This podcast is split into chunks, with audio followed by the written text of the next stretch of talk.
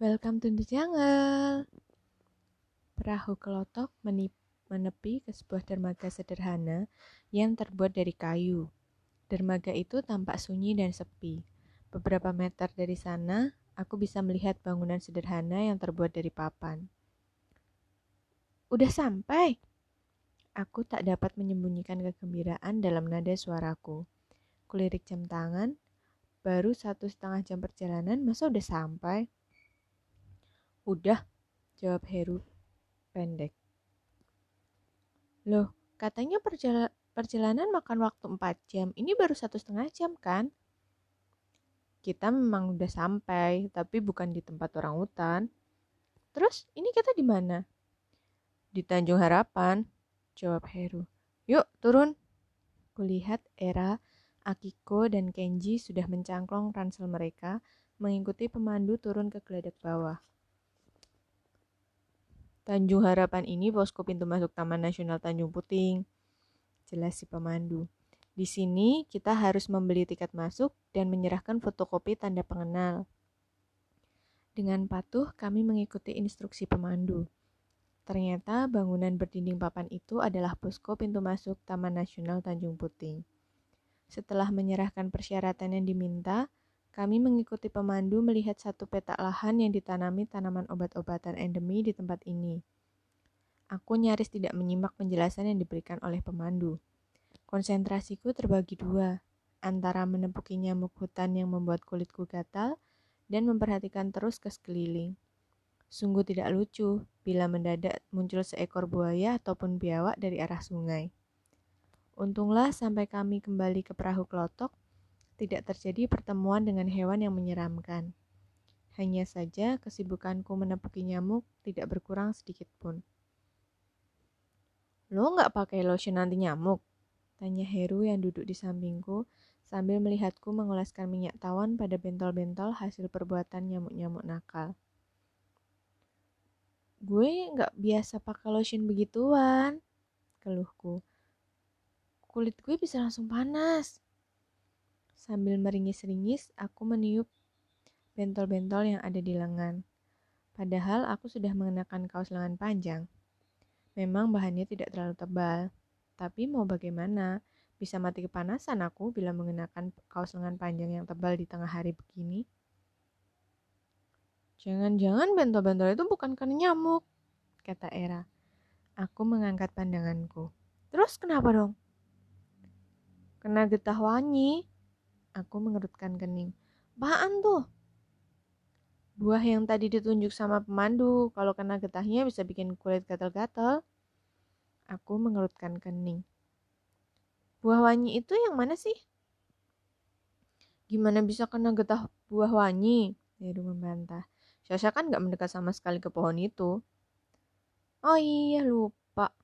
Era menepuk dahinya. Sasha sibuk berjaga-jaga sih, khawatir ada Bu Ayah dan Pak Ayah yang muncul dari sela-sela tanaman. Aku memelototi Era yang sedang tertawa-tawa. Sesaat kemudian, Kenji menghampiriku sambil membawa kameranya. Sasha, saya mau foto kamu, bolehkah? Tanya Kenji. Boleh foto berdua atau sendiri? Tanyaku GR. Saya mau foto itu, Kenji menunjuk beberapa bentol-bentol yang ada di lenganku. Wah, masa bentol-bentol begini difoto juga sih? Lengkap sekali dokumentasi si Kenji ini. Tiba-tiba hidungku bergerak-gerak ketika mencium aroma sesuatu. Di bawah sedang ada yang masak. Dari tadi gue cium aroma yang enak. Kataku sambil melepaskan gulungan lengan kaos. Masak buat makan siang kita, jawab Heru. Ke bawah yuk, gue ingin lihat dapurnya. Ajakku kepada semuanya. Beriringan kami menuju geladak bawah. Heru membawa kami ke sebuah sudut yang difungsikan sebagai dapur. Aku jadi penasaran, bagaimana rasanya memasak makanan di atas perahu kelotok yang sedang menyusuri sungai Sekonyer ini. Apa hasil makanannya akan seenak makanan yang dimasak di darat? Ternyata dapur itu lumayan lengkap. Di sana terdapat kompor dengan berbagai perlengkapan dapur lainnya. Colokan untuk memasak nasi dan memblender bumbu pun ada. Juga kulkas kecil untuk menyimpan bahan makanan. Kegiatan memasak yang dilakukan di sini layaknya memasak di dapur rumah biasa. Udang segar, ikan lais, dan ikan haruan berubah wujud menjadi sajian yang menggoda dan melahirkan aroma yang menggelitik indera penciuman. Air liurku hampir menetes, dan cacing-cacing di dalam perut makin semangat menyenandungkan lagu kelaparan. Tiba-tiba aku teringat sesuatu. Ruh, mereka masak pakai air dari mana? Aku berbisik kepada Heru, khawatir dua orang ibu yang sedang memasak mendengar dan membuat mereka tersing tersinggung. Ada tangki air khusus buat masak, bisik Heru. Aku mengembuskan nafas lega. Kalau sampai menggunakan air sungai, rasanya cacing-cacing di perutku akan langsung menghentikan konser mereka. Oi si! Sebuah suara terdengar di belakangku. Aku menoleh. Akiko dengan senyum yang membuat mata sipitnya terlihat segaris memandang takjub ke arah masakan-masakan itu. Kelihatannya ia tergoda dengan aromanya, sama sepertiku saat kali pertama masuk ke dapur ini. Di belakang Akiko, Kenji dengan sigap memotret dua orang ibu yang baru selesai menyiapkan hidangan untuk kami. Ibu-ibu itu langsung berseru ke riuh Maklum, yang memotret mereka adalah laki-laki Jepang yang cukup menawan. Yang membuatku terheran-heran, setelah Kenji selesai memotret kedua ibu itu, mereka malah menyodorkan ponselnya kepada Heru, meminta tolong padanya supaya memotret mereka bersama Kenji. Tadi saya mencari-cari kamu, kata Akiko. Ternyata kamu di sini. Kita makan sekarang? Aku meringis. Tadinya aku pikir Akiko ikut turun ke dapur karena ingin mengetahui aroma yang tercium hingga ke lantai atas perahu klotok ini. Tapi setelah ku analisis, sepertinya ia turun ke sini mencari Heru. Sebentar lagi, yuk kita siap-siap makan. Aku melambatkan langkahku. Sengaja aku biarkan Heru dan Akiko lebih dulu berlalu. Kalau aku berada di dekat mereka, Heru bisa merasa seperti raja minyak yang berjalan di api dua selir – Ah. Ruh, kita makan di perahu klotok ini? Tanyaku. Atau menunggu merapat ke dermaga Tanjung Puting? Makan di sini, Syah. Benar saja apa yang dikatakan Heru. Tak lama setelah aku bertanya, kami sudah duduk di geladak atas sambil menghadap menu yang menggugah selera. Ikan lais goreng dengan sambal kecap, udang asam manis, ikan haruan bakar, dan tumis kangkung. Hmm, yummy. Geladak atas ini cukup multifungsi. Geladak ini bisa dijadikan tempat santai, tempat makan, ataupun tempat tidur. Bagi mereka yang mengambil paket menginap di perahu kelotok, di sinilah mereka akan tidur. Awak perahu kelotok akan memasang kelambu untuk melindungi wisatawan dari serangga malam. Mungkin suatu hari aku akan mencoba paket menginap di perahu ini. Di sini menunya nggak jauh-jauh dari makanan laut dan ikan, terutama ikan lais dan ikan haruan. Jelas Heru. Tapi kalau pilihan sayurannya memang terbatas. Biasanya cuma ada tumis toge atau kangkung. Sayuran yang lain jarang ada karena harganya mahal. Buah-buahan juga gitu, harus didatengin dulu dari Jawa. Aku meringis. Aku beruntung karena tidak merasakan kesulitan-kesulitan itu. Di tempat tinggalku semuanya tersedia. Di sini, tidak setiap daerah dapat dengan mudah mendapatkan sayur maupun buah. Enak, jawab komentar Kenji setelah beberapa saat mengunyah makanannya. sih, Akiko mengangguk setuju. Rah, lo nggak komentar apa-apa? Tanyaku iseng gue nggak rewel sama makanan kalau perut lapar ya nggak enak pun jadi gue hajar aku tertawa memang enak kalau mengajak Era makan dia makan diajak makan di emberan oke okay. masuk ke restoran mahal ayo aja aku menyiapkan makanan menggerakkan rahang beberapa kali kemudian tertegun kenapa Era rupanya melihat perubahan raut wajahku. Aku mengunyah makanan di mulutku dan menelannya dengan susah payah. Nasinya keras, bisikku. Iya emang, kata Era. Gak usah dirasa, kunyah langsung telan, beres. Bagaimana bisa ditelan kalau mengunyahnya saja butuh perjuangan? Aku memandangi nasi di piringku. Untung saja nasi yang kuambil tadi tidak banyak. Tapi tetap saja aku tidak sanggup menghabiskannya.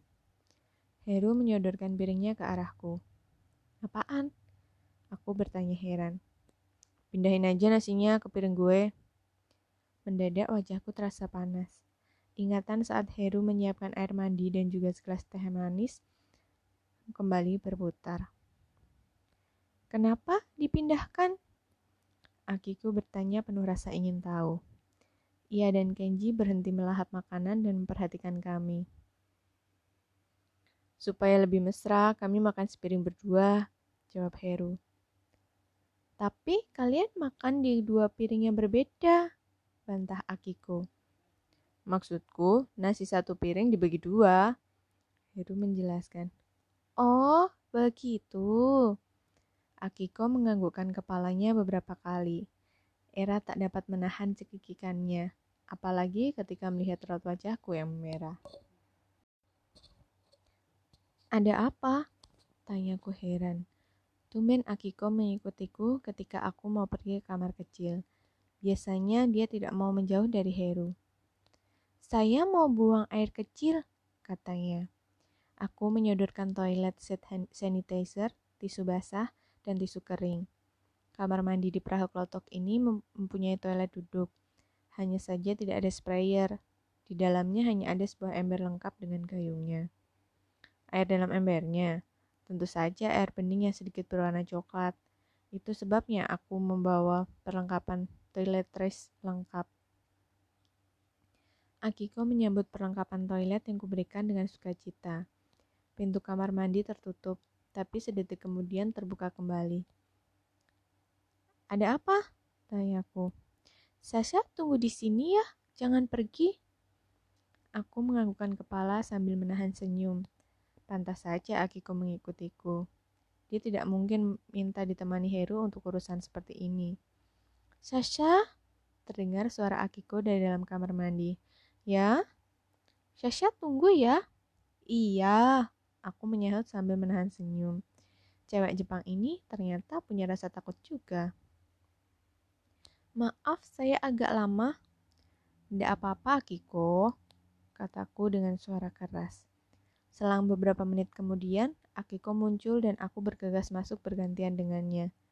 Eh, Akiko! Panggilku. Akiko yang baru berjalan beberapa langkah menoleh. Gantian, tungguin saya ya, kataku. Aku menutup pintu dan menguncinya. Kusemprotkan toilet seat sanitizer lalu mengelapnya. Eh, gak mungkin ada anak buaya atau anak biawak muncul dari lubang toilet kan? Tanyaku dalam hati. Akiko sedang apa di sini? Terdengar suara Heru. Ah, baru saja gak ketemu sebentar udah dicari-cari, gerutuku. Mana Sasha? Tanya Heru lagi. Gerutuanku langsung lenyap ketika tahu bahwa ternyata Heru mencariku.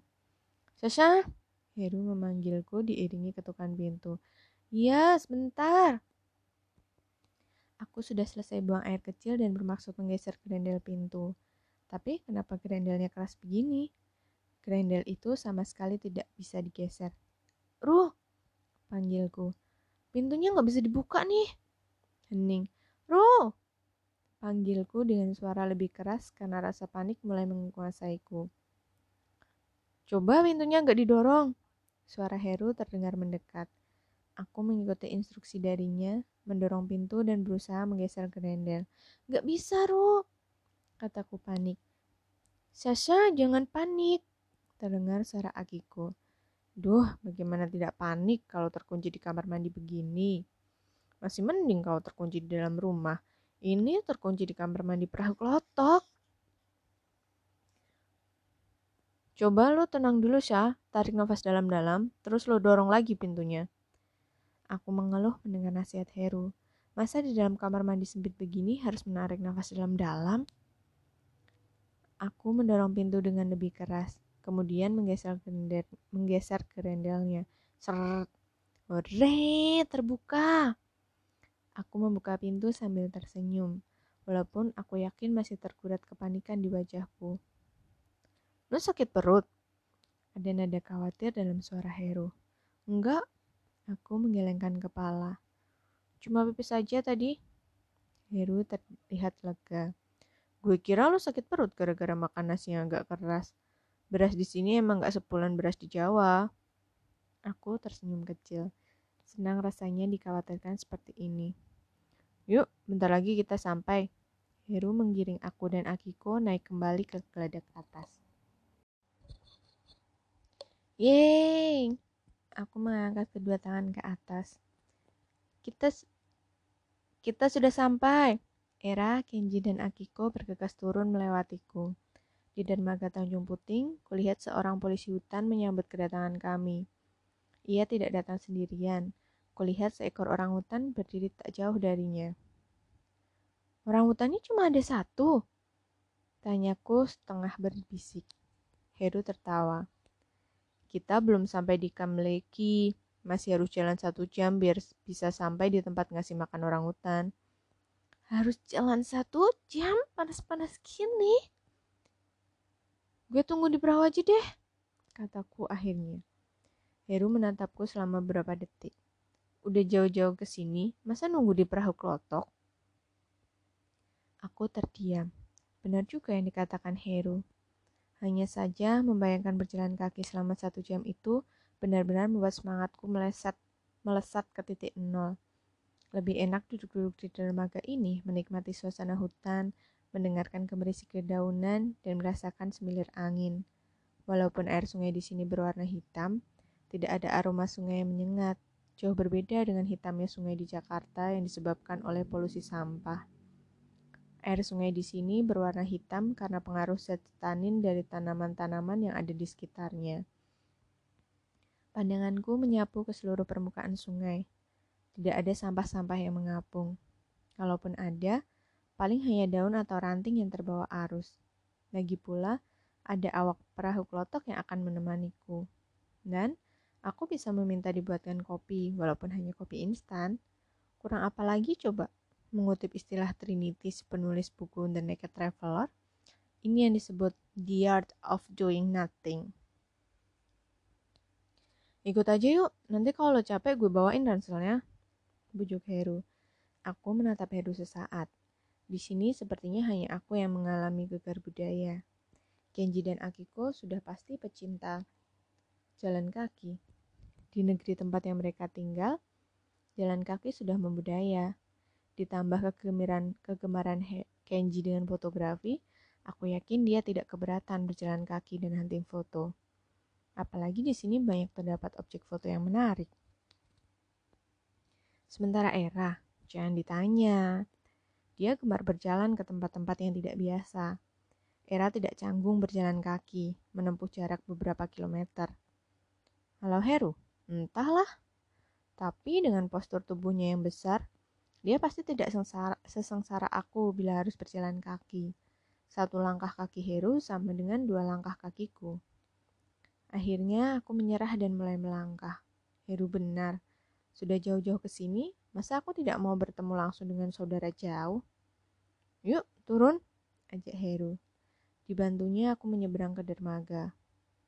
Walaupun sungai di sini hitam jernih, bukan berarti aku tidak keberatan tercebur ke dalam sungai. Heru terlihat senang atas keputusanku untuk ikut turun. Eh, beneran senang atau hanya perasaanku saja ya? Seperti biasa, Kenji mewajibkan kami semua untuk menjalankan ritual berfoto. Kali ini dengan tambahan dua anggota baru, yaitu petugas jaga wana dan orang hutan. Kulihat sepintas orang hutan itu tanpa ikut bergaya. Siapa namanya? Kudengar Akiko bertanya setelah kami selesai berpose. Namanya si siswi, jelas si pemandu. Dia bertugas menyambut tamu yang berkunjung ke Taman Nasional Tanjung Puting. Orang utan di Taman Nasional Tanjung Puting ini ada pemimpinnya, yang sekarang berkuasa namanya Tom. Dia berkuasa setelah mengalahkan Kusasi, pemimpin sebelumnya. Kusa, Kusasi ini menghilang Kusasi ini menghilang setelah dikalahkan Tom. Si pemandu menjelaskan, siswi ini sebenarnya istri Kusasi. Sekarang dia menjadi istri Tom. Kecuali Kenji, kami cekikikan mendengar penjelasan si pemandu. Kenji baru tertawa sambil menggeleng-gelengkan kepala setelah diceritakan ulang oleh Akiko dalam bahasa Jepang. Aku menatap siswi yang kutatap balas memandangku dengan mata bulatnya. Siswi ini cocok dijadikan penyambut wisatawan. Ia tidak bersikap agresif dan menakutkan. Sesekali ia menampilkan senyumnya. Kenji menyerahkan kameranya kepada Era. Mau foto dengan mau foto berdua dengan siswi? Tanya Era. Dan Kenji menganggukkan kepalanya. Tanpa canggung, Kenji berpose dengan siswi. Syah, tolong fotoin dong. Era menyerahkan kamera Kenji kepadaku sesaat setelah ia memotret Kenji dengan siswi. Kupikir Era bermaksud foto berdua siswi. Ternyata bertiga dengan Kenji. Aku memberi aba-aba sambil menahan tawa. Ini dia foto keluarga bahagia, ayah, ibu, beserta anak mereka. Lo gak mau foto, Ru? Tanyaku. Mau lah, jawab Heru sambil berjongkok di dekat siswi. Mau sambil menggendong siswi? Petugas jaga wana bertanya. Enggak, enggak. Buru-buru Heru menjawab dengan wajah kaget. Enggak apa-apa, Ru, dipeluk aja, kataku Jail. Supaya kelihatan mesra, kapan lagi foto pelukan dengan siswi?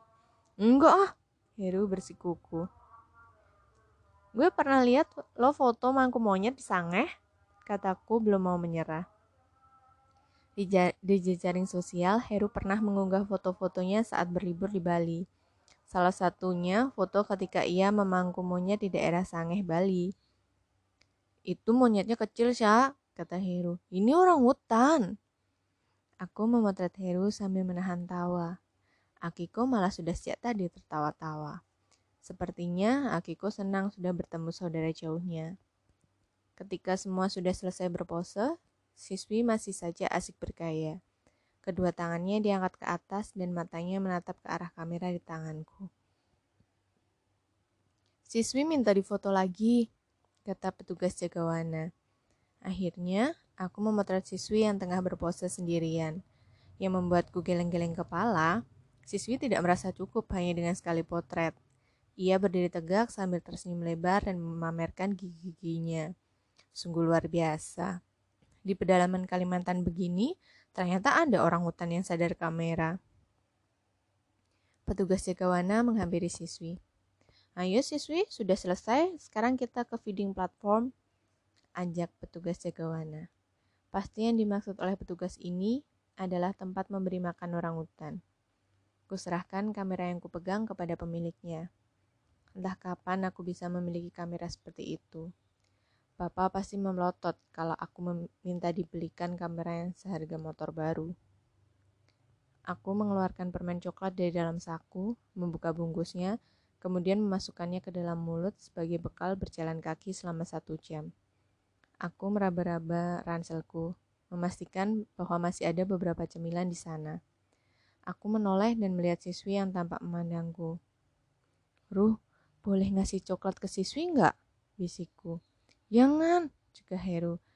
Nanti kalau dia sakit perut gimana?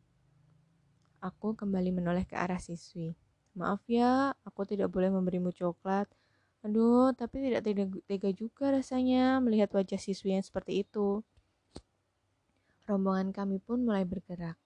Kulihat Akiko dan Kenji berjalan paling depan, mengapit petugas jagawana. Mungkin mereka ingin tahu banyak hal tentang daerah ini. Sementara itu, Era tampak serius berbicara dengan Heru. Entah apa yang sedang mereka bicarakan. Lalu aku memandang ke arah siswi. Sis, jalan bareng yuk. Ajakku putus asa.